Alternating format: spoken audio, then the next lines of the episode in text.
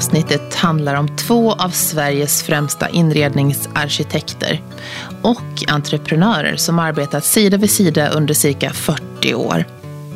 De bestämde sig för att genomföra en dröm de haft. Att öppna ett designmöbelmuseum i Stockholm för allmänheten. Och förra året öppnade museet med cirka 500 föremål från sekelskiftet fram till idag i Frihamnen. Om det och om Kersti och Lars arbeten genom åren samtalar vi i veckans avsnitt. Välkommen till Inredningspodden Lars Bylov och Kersti Sandin Bylov. Tack. Tack så mycket. Inrednings, alltså, jag måste bara säga det Lars, att igår fick jag tre böcker om er med mig Mm. hem. Så det är ditt fel att jag sov dåligt i natt. Jag förstår det. Och du har naturligtvis läst dem från pärm till ja, pärm. Ja, ja, absolut. Ambitiöst. Men ni har eh, sedan 70-talet varit verksamma som inredningsarkitekter. Ni har jobbat tillsammans från och till. Och eh, historiken är ju bara helt, eh, helt enastående. Ni startade ett, ett eget företag, Materia, som ni sen sålde. Och sen så är du adjungerad professor på flera olika ställen och håller på med en avhandling nu. Och ni närmar er 70 år, båda två får vi väl säga. Låter hemskt. Nej, det låter ju häftigt. Men sen förra året så startade ni någonting helt nytt. Ni måste, men ni måste berätta. Ja, vi startade faktiskt ett museum i Frihamnen som heter Möbeldesignmuseum. Och det är ett och ett halvt år sedan vi öppnade portarna här. Och det är ett museum baserat på vår privata samling möbler som vi har hållit på med i sedan 80-talet. Och det är där vi sitter nu. Just det. Och ni har extremt mycket möbler i er samling ju. Vi har ungefär mellan, ja, närmare 800 olika modeller i vår samling. Ah. Och det är alltså inte antikviteter utan det är modern design från slutet av 1800-talet fram till idag. Mm. 250 formgivare representerade i, Mm. i samlingen. Hur kommer man på idén att starta ett möbeldesignmuseum? Det är någonting som har vuxit fram. Vi har hållit på i 40 år och samlat möbler och det började ju med att vi, det var saker som vi tyckte var spännande och intressanta och vi kom över på loppisar och eh, ja, antikaffärer och sånt också. Och då var ju inte den här perioden så modern och intressant på 70-talet. Det var ju andra saker som var hot då. Och då med den träning vi hade från konst, vi är utbildade på Konstfack båda två, så kunde vi ju den här historien ganska väl så att vi kände ju igen möbler och sånt. Och ibland så gjorde vi ju superfynd. Alltså vi sprang nästan ut ibland ur affären med vårt fynd för att de inte skulle fatta vad vi hade köpt. Nej, men det var ju till och med så att man kunde hitta fina grejer i containrar. Vi var ju som containerletare. Så våra första grejer var ju Alvar Aalto-stolar och fåtöljer och så kunde vi hitta i en container. Med ganska liten renovering så var de ju perfekta. Och sen blev det som du säger då Kersti mycket sådana här prylbodar och loppisar och sånt. Och det där hade vi ju i våra hem och våra hem eh, som vi har levt i och har är ju, har ju vuxit hela tiden. Vi har ju liksom på, på något sätt byggt våra hem så att de här möblerna har ju funnits i våra hem. Eh, sen så kan jag säga så att vissa av de här produkterna har vi faktiskt varit tvungna ibland att ta bort när barnen skulle ha fester och sånt där. För vi vet ju hur det kan gå med tonåringar. Och då visste vi att den där Tonéstolen den skulle inte klara en glad eh, 16-åring. och så vidare. Så det, det, det, vi har levt med dem och våra vänner har ju suttit mycket. Det finns många av möblerna som står här ute nu i magasinet som våra vänner har relationer till för att de har liksom suttit i glada fester och sådär. Men sen när vi började arbeta också professionellt som möbelformgivare så åkte vi ju till Milano. Vi har ju varit på den stora möbelmässan i Milano i massor med gånger. Vi har aldrig räknat men under många, många år åkte vi ju varje år ner för det var ju där man hämtade mycket inspiration. Vi var i Köln också på den stora möbelmässan där. Köpenhamn när vi var unga var ju viktig också. Och då såg vi ju en massa möbler som vi kände att wow, det där någon gång var roligt och sådär. Så vi började ju köpa lite möbler också. Och sen har det här vuxit och vuxit och vuxit ju mer vi har. Och vi har inte riktigt märkt att det har vuxit för vi har haft utrymmen där vi har kunnat peta in det här i. Så att mycket av det som står här nu har ni haft hemma alltså? Ja, men Nej, också på vindar och i ja. förråd. Och, Nej men så stort har vi ju inte hemma. Nej, det det har vi inte. Utan det blir att hyra förråd och lagerlokaler och sånt där. Så att, eh.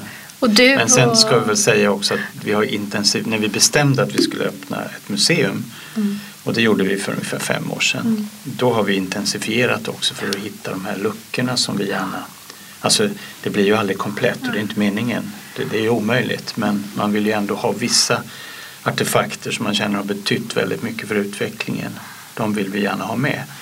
Så att då har vi ju gått in mycket mer intensivt och, och köpt saker och det är framförallt på auktioner så att säga. Det är ju där vi hittar sakerna. Ja. Även utomlands har vi ju gjort också så vissa saker, just de postmodernistiska föremålen, vissa har vi ju köpt utomlands och sådär. Så att vi letar ju, men vi vet ju vad vi letar efter för vi har ju en ganska tydlig eh, strategi vad det är för typ av möbler vi vill visa. Och vad som är då kriterierna med de möblerna och så vidare. Så det, det, det följer vi väldigt väl. Och vi är båda överens när vi bestämmer att det där vill vi ha. ja, så är ni det? Ja, det måste vi vara. Ja. Kanske inte alla gånger men i de flesta gånger är vi det. Det, det blir en kompromiss då. Men hur kommer man på i, idén?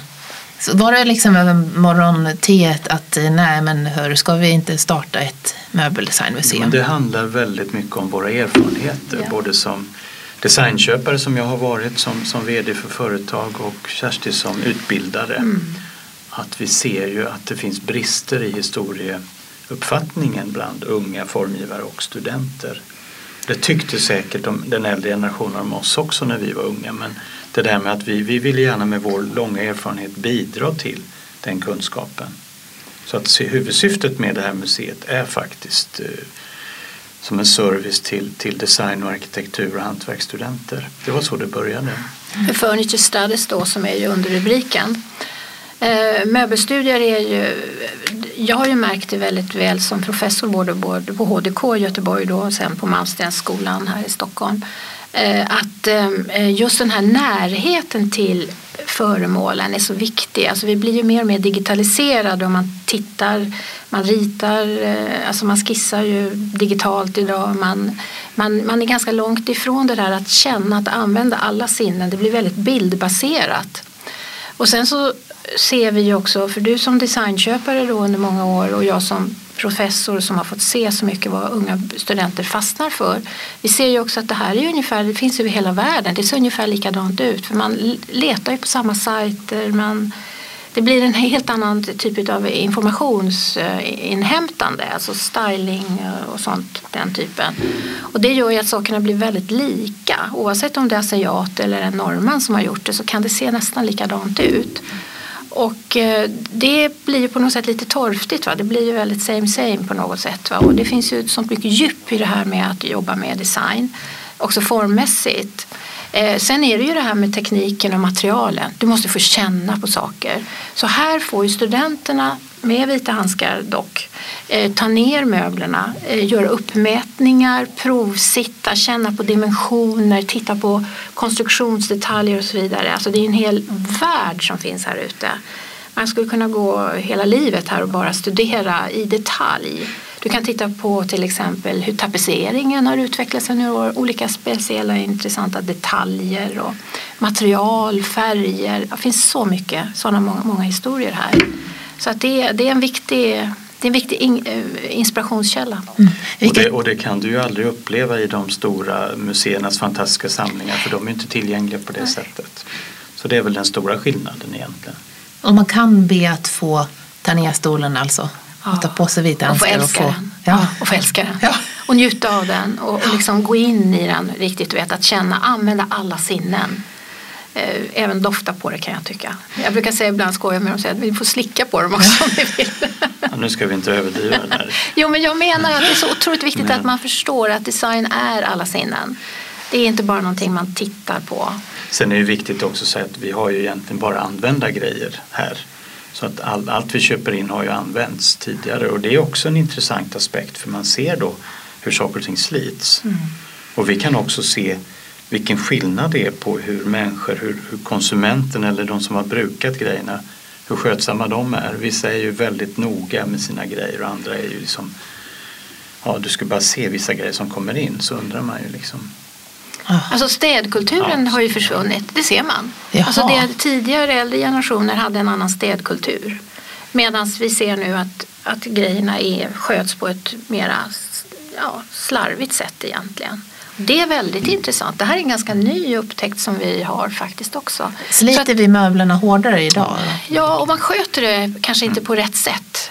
Tidigare så hade man en bättre kunskap. Och vi hade också, nu är ju många av våra möbler ju också använda i offentlig miljö.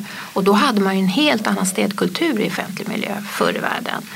I och med liksom 70 80-talet där så får vi ju en annan typ av, man städar ytor man städar, man städar ju eh, bordsytor och golvytor men man städar ju inte allt det här emellan. Och det gjorde man ju förut, eh, även i offentlig miljö. Så sådana här saker. Och det är faktiskt väldigt viktig information för en formgivare. För det innebär ju att man då måste ju formge så att smutsen trillar av eller inte fastnar eller att föremålen ser renare ut än vad de är. Så det finns många sådana här små, små aspekter som är egentligen väldigt viktiga för hållbara möbler mm. för hållbarhet och framtiden och så. Tror du att vi kommer att behöva ha en städutbildning för en yngre generation nästan för att det ska hålla? Jag tror att det ingår i det hållbara samhället.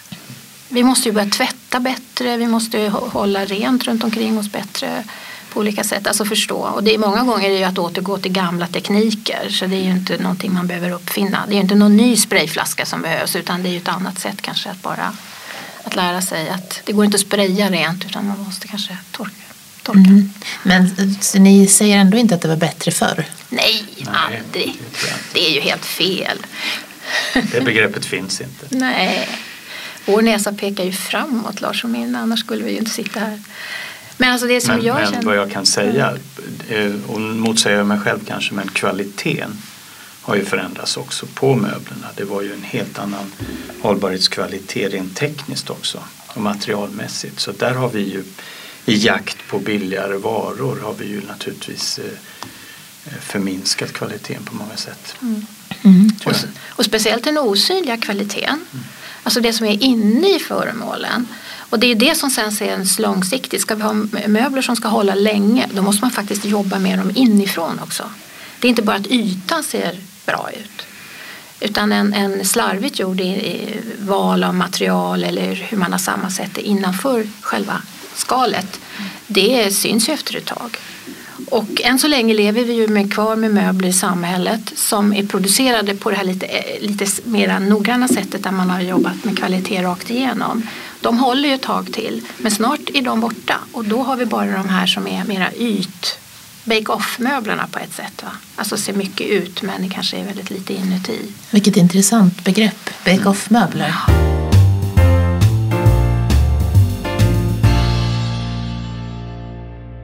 Men när ni köper in eh, möblerna till museet, vilka kriterier har ni då? Ja, alltså det, det här är ju, det är ju vår privata samling så det är utifrån mm. oss själva. Vi har ju inget kulturvetenskapligt eh, eller konstvetenskapligt program runt det här. Nej. Intresse har vi ju naturligtvis men, mm. men utan det är sånt som vi tycker har varit intressant för utvecklingen och det kan ju vara tekniskt och det kan ju vara materialmässigt, formmässigt, olika trender. Det är ju det vi vill kunna, man ska kunna gå här och, och få en spegling av samhällsutvecklingen mm. i artefakterna alltså. Så att det är ju ett kriterium. Mm. Och sen måste vi tycka att det, det är fint också och intressant. Och, men vi, vi, ett väldigt viktigt kriterium, alltså vi är ju inte konstvetare, vi sitter ju inte på ett museum och väljer ut. Alltså de, har ju andra, de har ju andra kriterier som de går efter. Vi har ju formgivarens, arkitektens kriterier som är våra, som vi använder när vi har valt. Det har ju varit naturligt för oss. Och då, då är det ju också så här att Lars har ju ritat så mycket möbler. Så att vi kan ju se om en form är fantastisk eller om den är bara slapp. Och den skillnaden, det ser inte alla människor. Men det ser ju vi genom vår långa träning och vårt öga och vår kunskap. Så vi kan analysera det på det sättet. Och det kanske man alltid inte gör som eh, om man kommer från det andra hållet så att säga. För då har man andra, då är det stil och, och material och sådana här saker, formgivare och så. Så att vi, vi är ju ganska noggranna med att det faktiskt också är en vacker form. Sen är det tillgängligheten som styr också eftersom vi bara köper begagnat. Så vad kommer ut på auktionssajterna? Vi har ju önskelistor som ligger hela tiden som tyvärr inte, de kommer inte fram riktigt och då kan vi ju inte införliva dem här. Eller blir så dyrbara de Ja, möblerna så att precis. vi inte har några resurser att handla dem. För de handlas ju och går på en helt annan marknad. Vad, vad är det som står högst upp på er önskelista nu? Ja, det, det är många saker så det går inte att peta, peka på något speciellt. Det är vissa formgivare vi inte har, till exempel Jean Prouvé har vi inte. Det är väldigt viktig och eh, ja, skulle kunna räkna upp många. Det kanske är någon lyssnare som skulle kunna tänka sig att donera någon, någon, någon möbel. Det händer faktiskt att, att eh, museibesökare återkommer och säger att det här kanske vore intressant för er. Vi har fått några saker och då är vi väldigt försiktiga. Vi måste vara väldigt noggranna med vad vi tar emot och eh, det, det är ju eh, det är inte så lätt alltid. Nej, och vi har ju våra kriterier faktiskt också som vi, eh, vi försöker hålla för det här det, det måste finnas, det kan inte bli liksom vi måste hålla en, en ja, kriterienivå på det här för annars är det inte intressant heller som en samling nu när vi gör den så offentlig. Men, men det, det är roligt. Och, men, men samtidigt så är det ju så också som för oss, som du säger att vissa formgivare är viktiga. Vi har ju också ett s- speciell kärlek till vissa formgivare. Det ser man ju här ute också i samlingen. Som är ju kopplad till våra, våra tidigare intressen. Eh, Jag då med Josef Frank och Svenskt Tenn och du med Bruno Mattsson. Ja, absolut. Bruno. Yrjö Kukapor till exempel. Det finns ju många fantastiska formgivare som, som är värda att lyfta fram igen. Är det inspirationskällor? Är det sådana personer som ni har, som har inspirerat er genom åren som ni också det visar? skulle jag vilja säga. Det- Men sen så var, är det ju roligt för att vi köper ju faktiskt in saker som, vi följer nu exempel material och teknikutvecklingen nu. Det har vi ju i nutid. För det här är ju väldigt spännande. Vad händer nu med all ny teknik som kommer? Där är vi ju med nu och försöker också fånga upp det. För att det här är ju liksom en pågående, vi samlar ju vidare. Och sen också under de här åren när jag var på skolorna då, eller har varit på skolorna, så har jag ju också sett vissa konstnärskap födas. Som jag är ju väldigt intresserad av. Jag ser ju också, alltså med åren så ser man ju på något sätt kanske att det finns någonting extra annorlunda där. Och de är ju representerade nu också. Och Där har ni några här ute. Ja. Ja, ja, och också sånt som kanske till och med har producerat på skolorna då. Där har jag varit lite så här, oh, hur ska jag våga göra det här? Men det, för, för det är ju kärlek det här va? Det, det är väldigt mycket vår kärlek i Och samtidigt kan man säga att nutiden är ju svårast. För det vet vi ju inte riktigt. Du säger att du, ser på vissa och det gör man ju att det här kommer att vara intressant. Men Det är många som mognar senare och som, som blir väldigt intressanta personer eller formgivare efter ett tag. Och några kanske bara gör några föremål och sen så hamnar de i något annat eh, sammanhang eller livet tar en annan vändning eller någonting sånt. Det intressanta är ju sånt som Yrjö Kokapor som ständigt pågår. Han lever ju ännu då och ständigt skapar nya föremål och på. Alltså har ju en enorm eh, produktion och har följt olika tendenser och så. Och sen har man andra konstnärskap som Åke Axelsson till exempel Ja. som har så konsekvent genom alla år fortfarande arbetar på sitt tema och gör det så jäkla bra. Det är ju sådana personer som man beundrar verkligen. Han har ju varit gäst här i podden tidigare. Och våran lärare på Konstfack. Vi har Jaha. haft honom. Ja, precis. Båda. Vad intressant. Ja, så du vet, det är ju det är som armkrok, du vet väldigt mycket i det här. Och, och eh, vi, i vår kår så att säga så är man ju ganska mån om också att eh, lyfta fram yngre kollegor och stödja och så. För det är ju viktigt att vi, eh, ja, det, det, är som, det är en stafettpinne man lämnar över till varandra. Och det, är- det är ju det vi gör nu också med Möbel Design Museum. Det är ju en stafettpinne.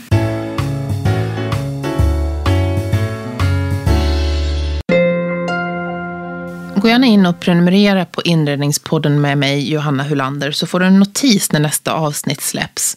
Jag sänder hela sommaren så att du under semestern varje onsdag kan höra ett nytt avsnitt. Gå gärna in och skriv ett omdöme eller recension också så att flera hittar till just den här podden. På inredningspodden.com finns alla avsnitt samlade för olika sätt att lyssna. Till exempel Spotify, iTunes eller Acast. Och där kan du också lämna din mailadress för att få det första nyhetsbrevet som skickas ut nu under sommaren. Följ även Inredningspodden på sociala medier. Vi finns på Instagram. Där heter vi ett inrednings underscore, alltså understreck podden. Och även på Facebook finns vi och där heter vi ett inredningspodd. Där kan du skicka meddelanden, önska gäster som du skulle vilja lyssna på och se korta filmer på varje avsnitt och varje gäst. Jag tänker på när ni säger just att man också vill lyfta fram nutida eh, möbler. Går ni och köper nya saker också då på ja, det händer. Konstfacks... Eh, ja, det, det är, kanske inte just Konstfack nu har vi inte gjort men det har vi gjort tidigare. Mm, det har vi gjort. Mm. Och sen så köper vi ju på sån här outlet nu. Ja. Alltså du vet det finns ju så mycket kontorsoutlets. Där kan det ju finnas sånt som är ganska fräscht och nytt och så som vi vill ha. För det där vill vi ha utav den franska formgivaren. Någonting sånt. Så det går ju att hitta där också. Och då kanske bara en stol för det är någon provstol eller någonting sånt där. Det är vi jätteglada över. Det är hellre det än fyra stycken för då har vi ju tre över. Hur går processen till när ni köper in? Jag kan tänka mig att det är eh, lite speciellt. Mm. Köper ni båda in? Nej, jag sköter väl inköpen. Kan man ja, jag försöker ju fokusera på min avhandling. Nej men det går till, alltså det, det är ju en intressant process på ett sätt för att vi varje söndag så, så går vi igenom ja. auktionssajterna som kommer i veckan. Och då så kryssar man för eller skriver upp sånt, mm. det här är intressant och sen får man ju liksom bevaka det här. Det är ju, det är ju de här eh, auktionerna som ju är väldigt klock, klockbaserade. Då gäller det att man inte får något samtal just då eller då kan man ju missa saker. Jaha, så du så säger det, ursäkta jag kan ställ, inte prata nu? Nej, så har det har faktiskt hänt. Ja, och du det är våra vänner. Men, men eh, då ställer jag ju klockan så att jag vet liksom att nu måste jag gå in här. Och, eh, och alla tycker en, det är så kul. När det är en avancerad process. Ja, det påverkar, det är som en sån mat och sovklocka. Ja, det är ju lite sjuk, ja, det är en liten sjukdom också. Det blir ju någon slags missbruk utav det. Eh, vi hade en intressant eh, artikel nu som skrevs om oss. Jag måste citera vad den här journalisten skrev. Att när han varit här och tittat så, så, skriver, så står det så här att det här museet är som kärleksbarnet mellan en lottovinst och ett urspårat nätauktionsmissbruk. Och det är på pricken alltså. Du kände det ganska så.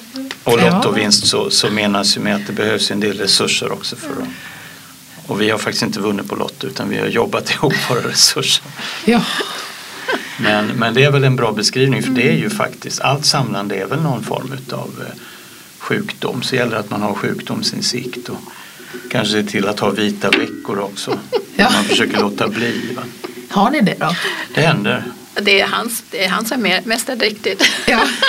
Nej men det händer faktiskt. Män är ju samlare, det vet du, det finns ju forskning på det. Just det här samlarinstinktet, det kan vara kapsyler eller designmöbler eller någonting sånt. Det har nog med brödfödan att göra från början. Nej, ja, jag, jag är ju med för kontext, alltså Lars är ju för föremålen och jag är kontexten. Så för mig är det väldigt spännande när, att vi, vi ser också vad är det för kontext vi fyller nu med och så. Så att jag tittar ju mer utifrån det kanske också. När vi, du är ju mer fokuserad på förprylen så att säga också. Så det har vi ju egentligen alltid varit. Det har ju vårt samarbete har ju varit på det sättet. Så. Nej, så svar på frågan, det är inga stora konflikter. Nej. Men eh, det jo, kanske är olika prioriteringar. Jo, fast ibland så säger jag att nu har du vit månad där Lars.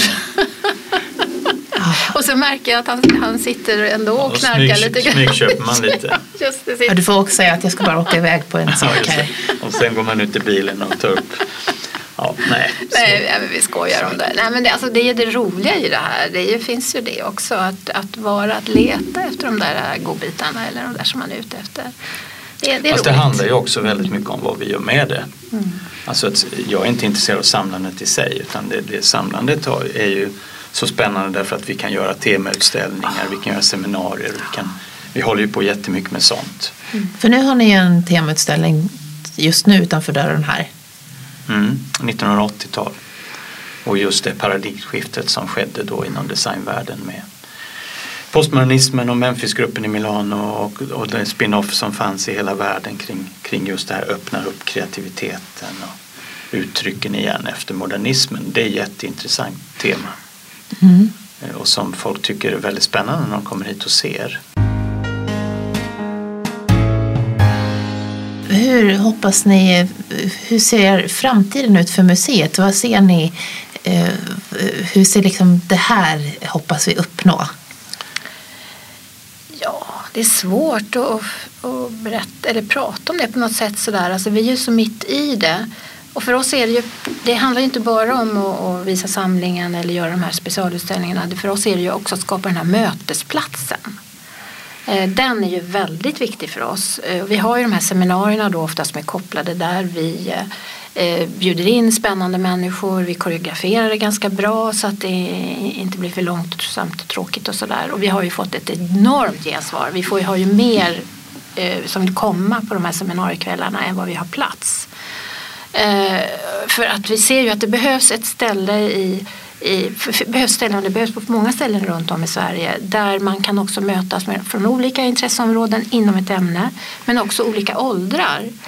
Och eh, vi får ju studenterna att komma, vi får pensionärerna att komma, för detta kollegorna då som är väldigt engagerade, designintresserade personer också såklart. Men vi får också 40-åringarna komma vilket är jättefascinerande och det är ju för de har ju oftast inte tid, de håller ju på att ta hand om barn och sådär och jobbar i häcken av sig. Så att, att de kommer hit är ju för att, därför att det är ett sånt spännande mix utav människor. Och det är det vi behöver. För vi ses oftast för mycket i eh, stuprör. Och det blir fel. Det blir tråkigt. Man ska liksom ses över generations och erfarenhetsgränser och så. Mm. Så här uppstår det många fina möten här ute och kontakter och så. Och det, det brinner jag ju enormt mycket för. Mm. Och du skriver din avhandling om Ja, men det är ju mer meeting science alltså, och arkitektur, hur, hur, rummet påverkas, alltså själva mötesproceduren eh, påverkar utav rummet och det är många andra parametrar där också som jag tar in. Så det är ju på vetenskaplig nivå. Mm. Men jag, jag, jag brinner och det har vi ju gjort även på materiatiden. Det var ju vår stora grej på vårt möbelföretag också. Vi skapade ju hela det. Mm. Mötena där också. Är det någonting som ni kommer att utveckla? Jag tänker på, ditt, på din avhandling. Där. Är det någonting du kommer att ta in här? Eh, ja, jag kommer antagligen göra någonting här men det är lite för tidigt. Man vill inte prata så mycket man håller på med en sån här avhandling. För det är, du vet, det är som att föda barn och man vet inte riktigt vad det blir. Liksom. Precis, vi lägger locket på. Lägger, vi återkommer du och jag. Vi kan ta det sen när jag har ja. lagt fram den. Då kan ja. vi prata om det. Precis. Men eh, när ni har en sån här enorm samling. Vilket objekt är det som ni känner att yes, det där fick vi. Ja, det finns faktiskt. Oh, ja. det, det vi har ju faktiskt en, en Ettore Sotzas-hylla från 1981 eh, som heter Carlton och som är väldigt attraktiv. Sen har vi några, vi har ganska mycket Mats Tiselius fåtöljer, bland annat en helt unik fåtölj. Och det är väldigt roligt och vi har några sådana pjäser som man mm. känner det här är viktigt. Mm. Men på din fråga förut om framtiden vill jag också säga att målet för oss är att kunna, kunna hålla öppet mera för drop-in besökare. Vi har bara en dag i veckan just nu, onsdagar. Målet är att öppna upp på helgerna så att vi kan få mera tillströmning då folk verkligen har tid att komma och de som reser in från landet har möjlighet att och, och komma hit. Vi har ju väldigt mycket utländska besökare också. Ja, vi har säga. fler utländska besökare än svenska. Jaha. Vilket är helt fascinerande. Är helt, vi fattar inte det riktigt. Ja, det är helt, det, vi upptäckte det ganska snabbt. Det var väldigt in. Och nu kommer det ju. Vi har ju varje vecka har vi ju. Och nu kommer också utländska skolor hit. De, när de gör en designresa i Norden och tittar så kommer de också hit och, och, och studerar då tillsammans med sina lärare och så. Så det här är ju, där finns en potential som är jätteintressant. När man startar ett eget museum, mm. hur, har ni, eh, får man några, någon hjälp? Tyvärr inte. Vi har, det här är helt eh, finansierat mm. av oss själva. Så att det är ju också en framtidsfråga. Vi måste naturligtvis ha extern finansiering på sikt för att vi ska kunna driva det här. Men just nu är det baserat på, ja, som en slags filantropi för vår egen, ja. våra egna så säga, resurser. Eh, vi vill ju också visa att en sån här plats behövs på många sätt och, och vi vill kunna göra det utifrån vår erfarenhet, vårt perspektiv. Eh, och därför så känns det ganska skönt, har varit skönt att vi har varit så självfinansierade. Det är vi själva som bestämmer. Vi bestämmer exakt, nu ska vi göra en sån här utställning. Och så kör vi bara utifrån vår samling och vår kompetens och med vårt nätverk runt omkring då, kanske seminarier och sådana saker. Och det är väldigt roligt att kunna göra på det sättet. Men börjar man få många andra intressenter in då börjar man bli uppstyrd också. Så att någonstans har vi, velat, vi har velat jorda den här verksamheten också för att visa vad det går för. Nu ser vi ju, nu har vi ju siffror, vi vet hur mycket besökare vi har, vi vet vilka målgrupper vi når. Och nu kan vi börja prata om det så att vi också kan få stöd som är riktad på ett brett sätt. Mm. Och vi tickar ju in i så många boxar just med tanke på att vi vänder oss också till studenter. Det är ju det som är jättespännande. Det är ju ett av de stora eh, problemen kan man säga för alla verksamheter. Det är ju hur man når de unga. Och det gör ju vi faktiskt. Så det, och det vill vi ju utveckla ännu mer faktiskt också framöver. Ni har ju formgett otroligt mycket möbler själva genom åren. Sen, sen starten på 70-talet då. Och ni har ju en samling med era egna möbler här på museet också. Vad, vad, hur eh, känner ni inför det? Kan ni känna så här, men det här, det här är vi stolta över idag? Ja, absolut. Oh, ja. ja. det finns ja. det. Det finns väl undantag också som säger vad fan gjorde vi den för? Ja men de är inte, med, de är inte med här. men, eh, nej, men alltså det, det som jag tycker varit intressant med vårt eget eh, arbete eller konstnärskap det är ju att vi har jobbat mycket med vardagsinnovation. Mm. För det tycker jag är väldigt viktigt att man tittar på de där praktiska små detaljerna. Jag kan ta ett exempel med eh, vi konstruerade en soffa som var självrensande så att det var en glipa mellan sits och rygg som gjorde att all smuts i offentlig miljö då ramlade på golvet. Vilket ju var väldigt uppmärksammat och som nu är nästan en standard hos möbelföretag. Så där har vi påverkat och vi har väl också påverkat eh, mötesrummen, hur de ska se ut. Vi var väldigt tidiga med det som idag heter eh, aktivitetsbaserat. Eh, det gjorde vi för många, många år sedan, den typen av möbler. Den heta frågan aktivitetsbaserat mm. eller inte. Ja, ja, det... Den kan vi prata om sen du och jag ja. när vi tar min avhandling. Ja. För den kommer handla mycket om det. Det finns en backlash på det naturligtvis. Men eh, det kommer ju. Ja, så är det. Men så det är många det... sådana möbler som vi har som vi känner att ja, men här, det, det är, de är inte bara estetiskt och, och tekniskt bra lösta utan de har också en viktig funktion. Vi är ju ganska mycket modernister på det sättet. Mm. Vi var aldrig inne egentligen i postmodernismen på 80-talet. Vi var väl lite inspirerade och gjorde någon enstaka grej. Men... Ja, vi, vi är väldigt stolta över att vi har ju ett skåp, ett postmodernistiskt skåp som visas ju på Nationalmuseum och står i de permanenta samlingarna. Och den köptes ju in av Nationalmuseum då för 33, 1985. Ja, jättelänge sedan och har stått ända fram till renoveringen i, i den permanenta samlingen. Och då tänkte vi så att ja, men nu åkte den, åker ju den där ut till något magasin. Men den står där igen och det är ju vi jätteglada över. Det är fantastiskt roligt för oss faktiskt. Eh, och det var ett skåp som vi gjorde för en specialutställning som vi var inbjudna till på eh, Svenskt Tenn. Josef Frank skulle ha det året fyllt då 100 år och då gjorde vi det som en hommage till Josef Frank, då, ett rött kabinettskåp och det är bara en limiterad serie och brukar gå ibland på auktioner och sådär. Så det, annars har vi ju jobbat med de många, alltså de många miljöerna de för, för med, medborgarnas miljöer och så vidare. Eh, offentlig miljö i första hand och så. Så det där är ju kanske ett av de få exklusiva sakerna.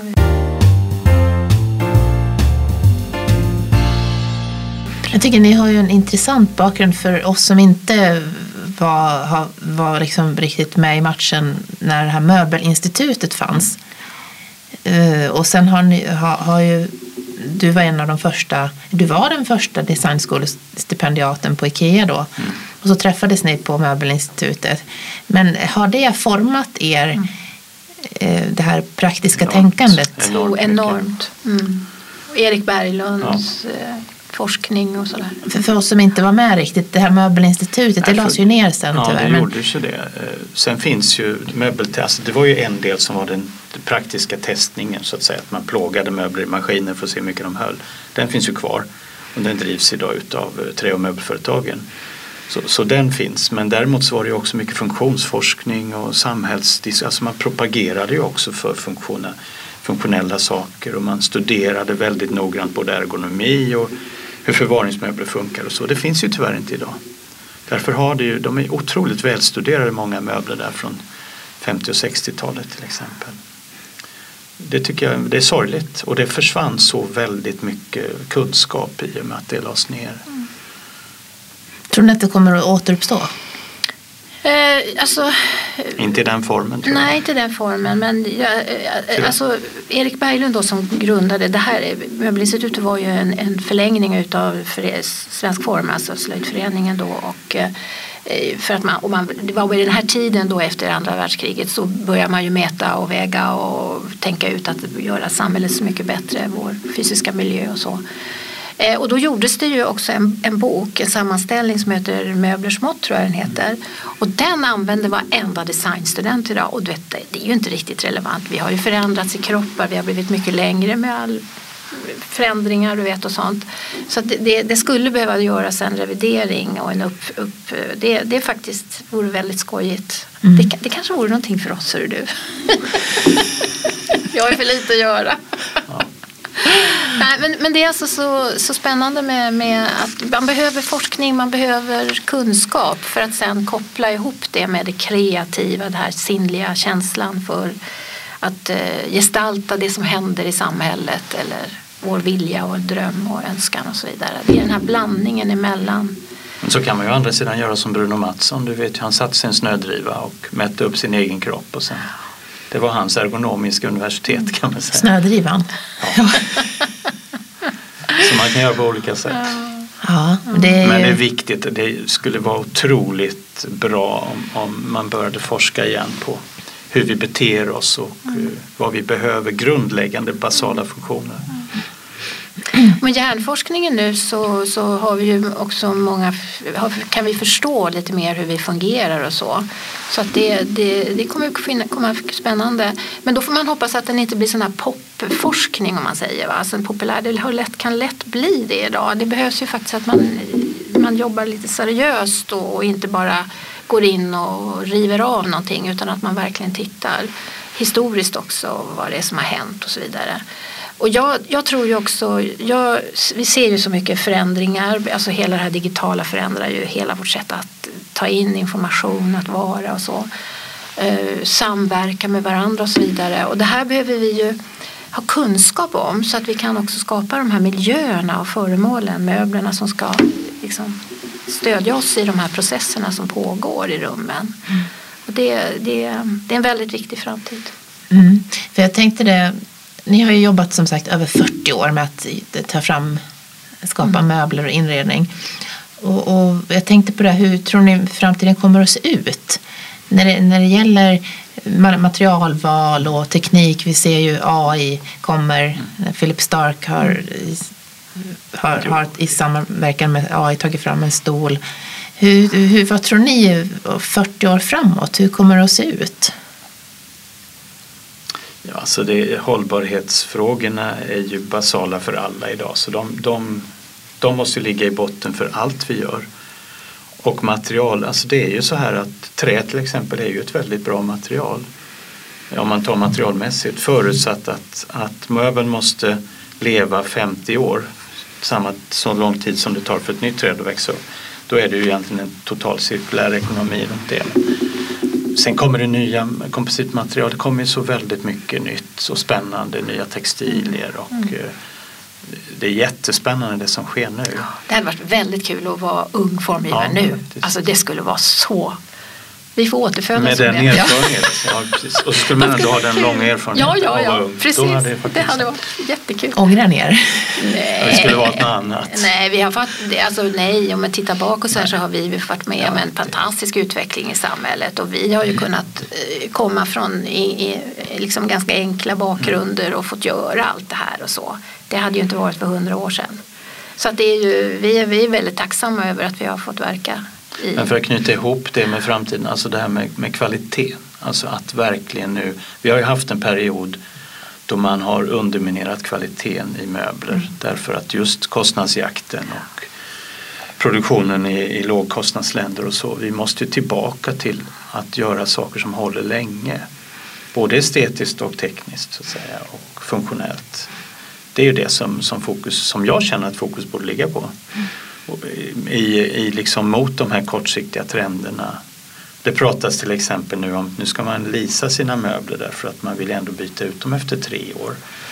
Och det är ju liksom ett väldigt konstigt sätt att resonera tycker jag. Eh, så där, eh, eh, ja det finns mycket att tänka på. Mm.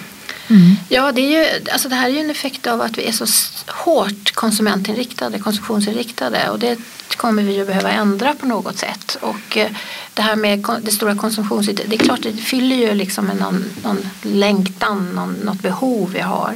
Och det behöver vi ju kanske omvandla till andra behov eh, på olika sätt. Och, och då och det kanske inte bara att det ska handlas och drivas av konsumtion. Det kan ju vara till exempel att vi ser nu att hantverket är väldigt intressant. Det blir fler och fler unga människor som kommer till det. Vi vet att hand och tanke i, i förening som eh, Carl Malmsten hade som en devis och John Dewey har vi pratat mycket om den forskaren också är ju liksom väldigt viktigt. Det är inte bara att vi ska hoppa och gympa och greja utan också det här med att skriva för att bättre förstå eh, tälja, baka, baka och alltihopa det här. Det är jätteviktigt för vår hjärna.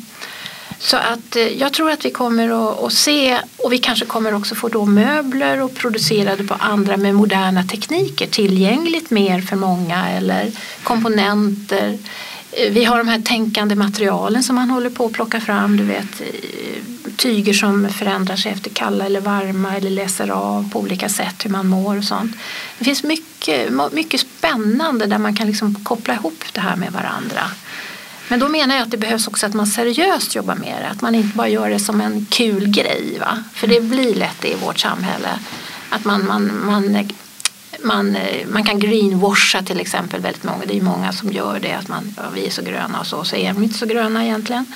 Eh, det här är så otroligt bra för det och det, men man vet inte. Men, men det är för att bli ett sånt komplext samhälle och vår hjärna klarar inte av att, att ta in så många olika informationer och bearbeta. Mm. Och då köper vi det som verkar mest trovärdigt. Mm. Här behöver vi ett större, seriösare anslag i botten tycker jag. Sen är det ju också det här konsumtionssamhället där vi vill ha nyheter och nya mm. saker hela mm. tiden.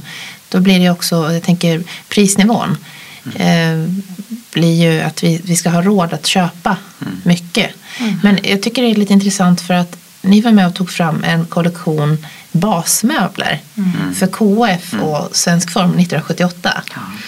Och då så, så, tog ni liksom fram en kollektion med möbler som var nytänkande. Att det här är ett kit som, som en familj behöver. Jag tycker det var lite häftigt för då, då har man ju så här, ett, ett kit som håller över tid och som är, ni hade ju finurliga nytänkande idéer där. Mm. Om man står, är det någonting som ni tror kan komma framöver? För jag tänker folk har inte tid idag Nej. på samma sätt att hitta de där sakerna som man vet att det här håller över tid. Kanske inte det programmatiska arbetssättet som, som fanns här som ju var väldigt spännande. Och vi var, det var inte vi som gjorde det ensamma, men vi var en del utav det. Vi gjorde vissa saker i det i, det projektet. Men eh, jag tänker väl så här att om man tittar på unga människor idag så, så många köper ju basgrejer, alltså enkla grejer och sen köper man också, som inte vi gjorde då, någon väldigt exklusiv hantverksmässig produkt som man är väldigt stolt över eller någon riktig som designikon. Och sen har man enkla saker runt omkring. Eh, men jag tror att jag tror att man kanske får eh, tänka så här att, att man får köpa äldre grejer också. Jag tror att just begagnade saker är intressant. Kommer det finnas där, äldre grejer då? Ja det finns ju och det, kom, det, är klart att det kommer att finnas. Så att säga, färre? Och, och eh, färre kanske men mm. som har den kvaliteten och har de funktionerna. Alltså att man, man kan blanda nytt och gammalt. Det är ju många som gör och det blir ju väldigt fint tycker jag. Det värsta som finns är väl att allt är i samma stil och nytt, helt nytt som inte har några spår överhuvudtaget. Det var inte alls svar på din fråga. Men... Jo, men så basmöblerna idag till den som står i, i begrepp att köpa sina basmöbler, en yngre person, då, då är att köpa egentligen äldre. Ja, ja det tror det jag. Tror jag. Det är det Sen ska vi ju naturligtvis inte glömma IKEA heller. Alltså IKEA har ju, ju, har ju en fantastisk förmåga att ta fram nyttiga och viktiga saker. Sen kanske inte alltid har den kvalitetsnivån som jag skulle önska men, men eh, funktionellt är de ju väldigt vassa tycker jag. Och ni har, några, ni har i alla fall en sak från Ikea här många ute. Ikea. Är det många? Vi skulle vilja ha fler. Men det är så svårt att få tag i det för de har ju inte varit kvalitetsmässigt så att de har överlevt. För det här är ju också en aspekt. Eh, Det är därför jag ifrågasätter lite grann om vi kommer ha så mycket äldre möbler och äldre kläder och sånt där framöver heller och återbruka på det här sättet som vi snackar om. För att mycket av det blir ju bara skräp för att det håller inte. Eller slits ner så att det inte är användbart eller går att återbruka. För jag har ju sett den där, jag har ju varit en sån här riktig loppistant, du vet, gått runt på loppisar när det är kyrkans basarer och såna här grejer.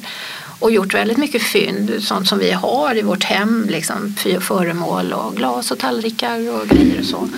Och jag så har ju verkligen fått, under de här 40 åren följt från att man kunde verkligen komma åt fantastiska saker Eh, som då inte var så vanligt att man handlade till att se hur det började det som var glasmassa blev sen lackerat på utsidan på glaserna. Ni vet för att det skulle vara rött eller blått och sådär på 60-70-talet. Så, alltså hur, hur, hur, hur det blir sämre och sämre. Faktiskt. Det är bara att gå på någon av de här myrorna eller någon och så ser du det. Och jag, är inte så, jag köper inte så mycket den typen av kläder på det sättet på Myrorna. Jag köper i second hand i, i kanske sådana här dammodebutiker second hand som finns, jag har funnits. Och där finns det ju än så länge kvalitet men jag kan tycka nog att den kvaliteten sjunker också. Så att det är ju det här med, och kvalitetsbegreppet är ju ett otroligt intressant ämne. För vad är det som situerar kvalitet för oss? Det är så, så brett och, och så vidare. Och, och vi kan ju prata om kvalitet men kvalitet är ju faktiskt någonting som du upplever. Du ser det, du känner det, du ser det med, med blotta ögat om det är kvalitet eller ej. Och sen, men sen är det ju det att det är ganska skönt också att få hjälp. Att få eh, veta att det här är, att, att inte, för många kanske som inte har intresset så finns det ju en trygghet att veta att men det här är ett plagg eller en möbel som håller. Eller ett stil som Ja. håller. Ha någon slags garanti eller någon, någon märkning tänker du då? Mm. Svenskt Tenn har ju stått för det i väldigt mycket. Och Svenskt Tenn har ju också haft, eh, för mig var det ju mitt, liksom, min första skola kan man säga, formskola, när jag började våga ta mig in till stan. Eh, för att titta och på, och, och, som butik så har det ju varit fantastiskt att se eh, både textil och föremål och, och möbler och sånt där och man har ju kunnat ta på sakerna där. Det kan man ju bara göra, det kan man inte göra på museerna men på en butik kan man det. Så så Svensk Form har ju nog varit betytt väldigt mycket många formintresserade. Och det har ju varit lite upp och ner rent trendmässigt Svenskt Tenn genom åren. Det har varit väldigt ute och nu är det ju väldigt inne. Eh, Så att eh, där, det, alltså det här att kunna eh, att vara, att skapa ett stilideal och det är- så fyller ju om två år eller tre år så fyller det ju hundra år det här företaget vilket ju är helt unikt, världsunikt. Eh, Men har också då varit en stilskola för väldigt många människor, olika generationer, mer eller mindre aktuellt men, men alltid funnits där. Och det tycker jag är väldigt spännande. Vad, vad, vi, behöver, vi behöver ju förebilder. Alla är ju inte bra på design. Men gärna vill ju klä sig snyggt eller ha det vackert hemma och så vidare. Och då behövs det. Och då behövs det ju alltid. Idag finns det ju så många människor som är intresserade av det här och som hjälper och stödjer i olika sammanhang och så. Så att vi har ju en ganska hög kultur på det sättet också. Mm. Jag tänker, ni har ju arbetat tillsammans som par sedan 70-talet. Det är ju ganska unikt. Mm. Att, att ha, Du menar att vi fortfarande är gifta trots det? ja trots det. Trots det. Eh, det måste, vi måste ju få höra lite om hur det funkar att jobba så intensivt tillsammans. Ni har drivit företag tillsammans och ni, nu har ni skapat ett möbeldesignmuseum tillsammans. Och vi har en familj tillsammans. Ja, vi har familj. barn tillsammans. Ja. en hund har vi haft också en gång. Hur, hur får man det? Det är ju otroligt häftigt. Ja, men det, jag tror det handlar väldigt mycket om respekt för, för den andres kompetens och eh, sätt att vara. Det tror jag är jätteviktigt. Att vi har kunnat komplettera varandra. Vi ska inte dra upp alla linjer om hur vi har kompletterat varandra men så är det ju. Att vi har olika infallsvinklar. Det har inte varit konfliktfritt. Vi har bråkat mycket när vi ritade möbler men i slutändan så, så var vi helt överens om vad som ska göras och båda kunde känna sig nöjda med det resultatet. Så att det är en arbetsprocess som, som eh, man lär sig. Och problemet är kanske att man lever med det både på jobbet och privat. Det är både en fördel och naturligtvis ett, ett problem. Man kommer ju inte undan så att säga. Man kan inte gå därifrån och göra något och träffa någon helt annan utan då har man med sig eh, jobbet hem. Och när vi drev också Materia tillsammans så hade vi, fick vi ju helt andra ansvarsområden också. Men vi, fick ju, vi hade ju vad var det, 65 personer anställda på slutet och sådär så att vi hade ju väldigt mycket folk runt om oss. Så att det var ju andra sätt att jobba. Men vi klarade ju den övergången till att också börja jobba parallellt. Först vi jobbade ju enormt intensivt de första åren. Bråkade om vilken skruv, var skruven skulle sitta ungefär och så. Eh, men det var ju en bra process, vi lärde oss ju mycket där. Eh, och sen när det gäller möbeldesignen så kan vi många gånger säga vi kan inte säga vem det är som har gjort vad. För det har varit verkligen gemensamma processer. Det är fantastiskt. Har det varit så att ni går in i, att ni har en gemensam ritning som ni går in och ändrar lite? Har gått ja, in och ändrat? Ritar på varandras skisser. Upp och ner, man kan se det i vårt ritningsmaterial så ser man ju hur, hur vi sitter och skissar från olika håll och sådär det är ganska fascinerande och hur det, man kan det bara ligger ju i arkivet. Vi har ju ett stort arkiv. Vi har ju samlat väldigt mycket genom åren. Allt vad vi har hållit på med också. Så, och det är ju det som är grunden till de här tre böckerna. Då. Men, eh, men det är ganska intressant. Det skulle man kunna titta på någon gång. Hur den här designprocessen pågår. Även rent fysiskt. Men kan du känna Kersti att ja, men ja, det här är Lars mycket bättre på. Så att det där får han göra. Ja, det, och du känner väl samma sak som mig också. Men, vi, men vi är väldigt överens. Men vad har ni för styrkor? Liksom? Men Lars är ju, är, är ju väldigt idog att ta tag i ett projekt och genomföra det på det sättet också. Mycket ritningsarbete som du har hållit på och alla omritningar, allting det här. Alltså den processen. Skriva alla brev till folk och sådana här grejer. Alltså det, du har ju, och då har jag checkat ut och hållit på med ungarna mer och sådana här grejer också. Men vi har ju liksom levt också i, vi har ju haft kontor hemma och barnen hemma och sådär så att vi, det har gått i varandra på något sätt. Va? Mm. Men, men du har varit bra på det och förut, förr var det när jag var lite mindre tuff så var det ju dig de pratade med mycket mer också. Näringslivet var ju liksom lite mer gubbigt på den tiden också så att jag gick ju bakom där och, och spanade när vi var ute i industrin och sådär. Det var bra, vi hade dubbla roller. Då sa du inte, du slog inte bakut utan du valde att göra en Nej, smart lösning då, av det. På 70 80-talet slog man nog kanske, kanske man inte gör idag heller men, men jag, jag var ju med alltid i alla och jag var ju ofta den enda kvinnan i rummet i många, många år. Det är ganska intressant nu när man tänker efteråt. Jag var ju bara, hade ju bara män omkring mig i många år när vi jobbade med industrin. Och det tänkte jag väl aldrig på. Jag var väl så kaxig antagligen så jag fattade väl inte riktigt det. Eh, men i alla fall så, så var jag där. Men, man, men sen med åren kanske jag har tagit mycket mer plats på ett sätt också. Med erfarenhet och med ålder och sådana här saker. Och när vi också fick det, lite mer delade upp, vi delade ju upp liksom jobbet lite mer också. Så blev jag mer kanske utåtriktad på ett sätt och du mer mot produktion. Och så ja, vad har Kersti för styrkor? Jo, alltså enormt eh, intellektuell person och eh, väldigt, ja, väldigt stilsäker. Jag skulle säga att Kerstin har ett absolut gehör vad gäller form och färgsättningar och textilier och hela paketet. Så det är ju, eh, det är ju en guru på det sättet. Det, det måste jag säga. Det är fantastiskt också att, alltså att, att under de, alla de här åren har vi både levt och jobbat ihop. Det är en enorm styrka. Därför att du är ju egentligen aldrig ensam om några problem. Mm. Utan man delar i problemen mm. och eh, hitta lösningar. Och vi har oftast varit två, du vet också när vi haft möten med, med industrin och så när vi jobbade som industri. Så det var väldigt bra. Alltså, du snackade med dem och jag lyssnade och sen gick vi in och då visste vi vad de hade sagt. Och, alltså, du vet, det är bra när man är två. Jag tror att överhuvudtaget är väldigt bra. Sen har vi väl också haft nytta av att vi, vi har lite olika perspektiv som man och kvinna och det har vi ju liksom använt på olika sätt. Jag är lite karaktig och du är lite sensibel ibland va? så det där har blivit väldigt bra. Liksom. Att det här, för jag börjar fundera ganska mycket på det varför man delar upp saker i män och kvinnor. Alltså rent så. Jag tycker faktiskt det handlar mer om vad är man, hur man är som har beteenden. Liksom också. Vad är, vad, vad, vad är sensibilitet? Du har ju en väldig förmåga att lyssna på människor till exempel som inte jag har. Jag tittar mer och tar in. Mm. Du lyssnar ju på människor och pratar och så. Det har ju varit din styrka när du har varit VD också. för de här olika företagen? För du gick ju in och blev chef på ett annat sätt och det har jag egentligen aldrig velat bli. Jag, alltså generellt sett i vår bransch så är ju kvinnor en, en outnyttjad resurs mm. och det ser man ju i vårt, om vi knyter tillbaka till vår samling. Det är alltså 20 procent, 20-25 procent som är kvinnliga formgivare och då har vi ändå letat och har det som en uppgift att vi ska mm. lyfta fram och samla på kvinnliga formgivare. Mm. Men det är ju så, och det, är just, det har ju varit som du säger så fruktansvärt mansfixerat och mm. gubbigt och det ser vi ju idag också. Fast det kommer fler och fler kvinnor in i designbranschen också.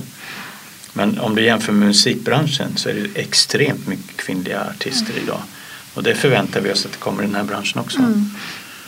Det hoppas jag verkligen att det gör. Men det handlar nog också att våga ta tag i det. För idag finns det sådana möjligheter. Du driver ju din podd och vi startade företag av olika slag och så. Det handlar ju om att våga vara entreprenör. Eh, och inte någon sån här jättegrej utan våga, våga ta steget till att själv vara ansvarig för sin eget, sin eget levebröd så att säga, sin egen vardag, arbetsvardag.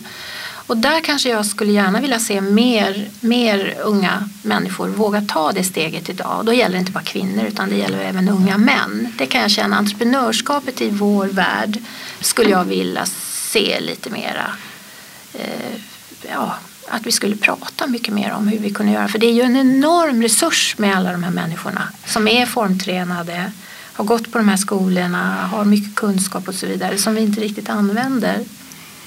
Eh, för att här är det så mycket materialiserat till ting. Det är ju inte bara musik som vi kan streama ut eller film eller någonting sånt, även om det är också väldigt materiellt. Men, men ändå, ja, det här är en mm. ännu större fråga så vi kanske får bryta avsnitt. där. Ja, vi tar det i nästa ja. avsnitt.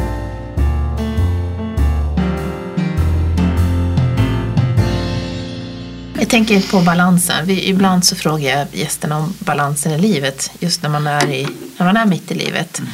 Så, så tänker man ju på, ni har ju eh, lyckats, ni har haft, levt med er passion och, och med varandra mm. och, och, klarat av att få barn och, och hålla ihop. Hur har, ni, hur har ni lyckats med det? Ja, det, det, blir ju ett väldigt långt perspektiv när man läser våra böcker och så. men, ja. men, eh, nej, men det, vi har jobbat, jag, både Kerstin och jag har jobbat ja. extremt mycket. Ja, extremt Vi gör det ännu. Vi har egentligen jobbat för mycket. Ja, för det, vi är inte så intelligenta så vi är tvungna att jobba. det, fanns, det kom faktiskt till en, det är därför vi gör det här också. För att det kom, för mig kom det till en punkt att jag ville inte vara operativ, jag ville inte ha ansvar för hundra människor. Utan, utan komma tillbaka till någon slags kärna och då är det här med museet, för att återkoppla till det. Det är ju någon slags eh, lagom mycket arbete kan jag tycka. Fast du jobbar ju jättemycket. Ja, fast inte alls, inte alls så mycket som jag gjorde innan. Och, och det kräver också, ett sånt här jobb kräver ju så mycket reflektion och så mycket att sätta sig in i saker så att det, det blir inte så lätt rutin här. Det tycker jag är sen, sen har ju du, det som jag tycker är så roligt med dig det är ju det också att du, du har utvecklat en fantastisk förmåga nu att guida här. Vi har ju, alltså vi har ju varje dag har vi specialgrupper som kommer, ibland flera stycken och så där. Så du är ju enormt upptagen av att guida människor eller större grupper. Och det är du tycker det, alltså du är så bra. Jag kan ljuga ihop vilka historier som helst. Ja. Nej, och de är olika från gång till gång. Nej, det är okay. de inte. Nej, Nej, men det är Nej, men du har så stor erfarenhet och du är så intresserad. Du kan ju gå loss på en möbel. Liksom att bli jättetänd och kunna berätta och få folk att se. Och det är du fantastiskt bra på. Så det, det är roligt att se. Jag känner att det skulle man också vilja ge till sina barn. Mm. Att de får tänka till på sånt. Mm. Du hade ju en skolklass här. Ja, jag hade det. Berätta om det. Alltså, jag hade, var de, 50 stycken sjätteklassare från slöjd. Ja. De var 50 stycken tror jag och de hade sex lärare med sig och det var ju en häftig upplevelse kan jag säga. Då trodde jag inte att mycket skulle vara kvar här efteråt. Men... Och de, hade, de hade en rolig uppgift. De skulle, de skulle se ut en, en ful möbel och en snygg möbel. Den fula möbeln, det, det, såg, alltså, det var inget svårt. Va? Den finare var svårare. Och då kom de och frågade mig vilken är den dyraste möbeln här. Aha. Så, nej, men det, var, det var jätteroligt och så. Sen, sen eh, bör man kanske vara lite äldre om man ska ta till sig det här materialet. Mm. Men, eh, det gäller att börja tidigt.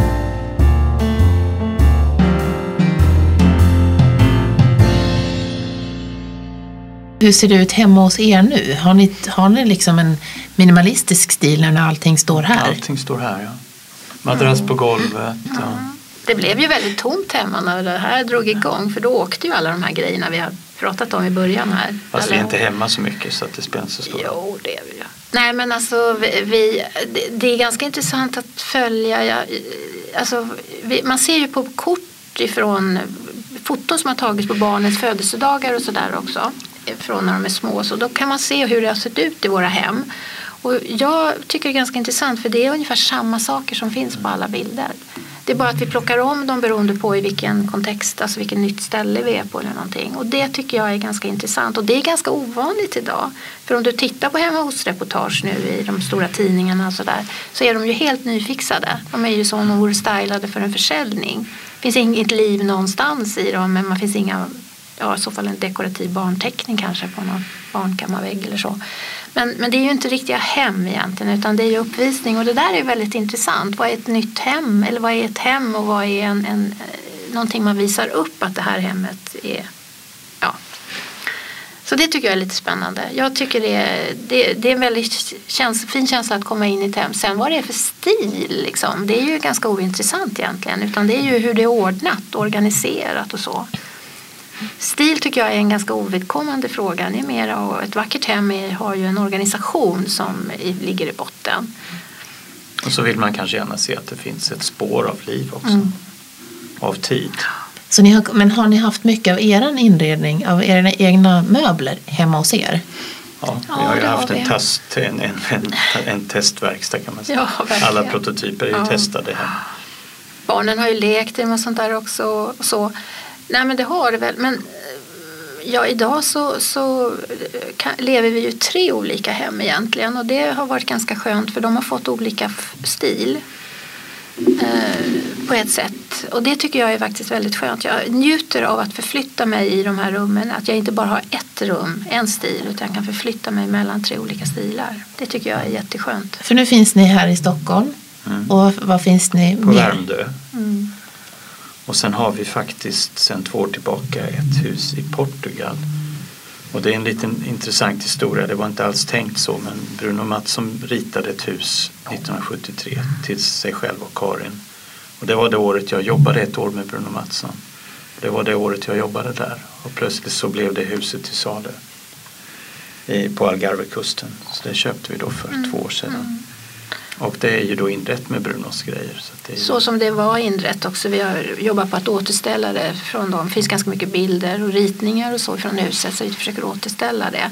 Så det är som att bo i ett museum, ett Bruno Mattsson museum egentligen och det är väldigt skönt. det är jätteskönt.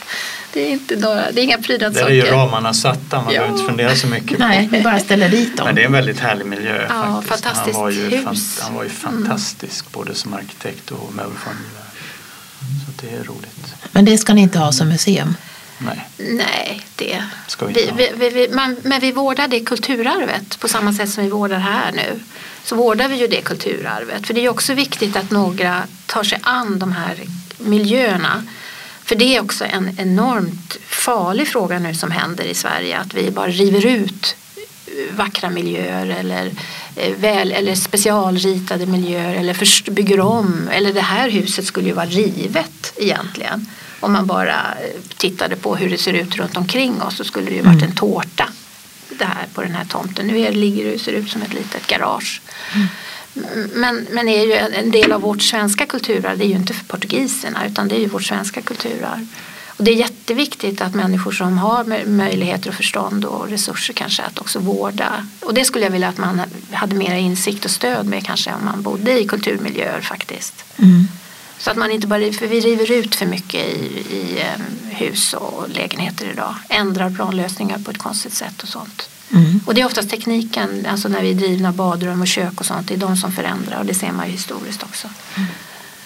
Det är det som förändrar planlösningar mm. mycket. Slutligen, hur ser ni på eh, inspirationskällor som ni vill lyssna på i kommande avsnitt? Finns det någon person mm.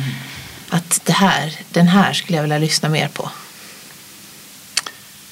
Ja, det finns det ju naturligtvis. Eh, men jag tänker, jag tänker så här att vi pratade om Bruno Mattsson förut. Jag tycker att du ska eh, intervjua årets Bruno Mattsson-pristagare.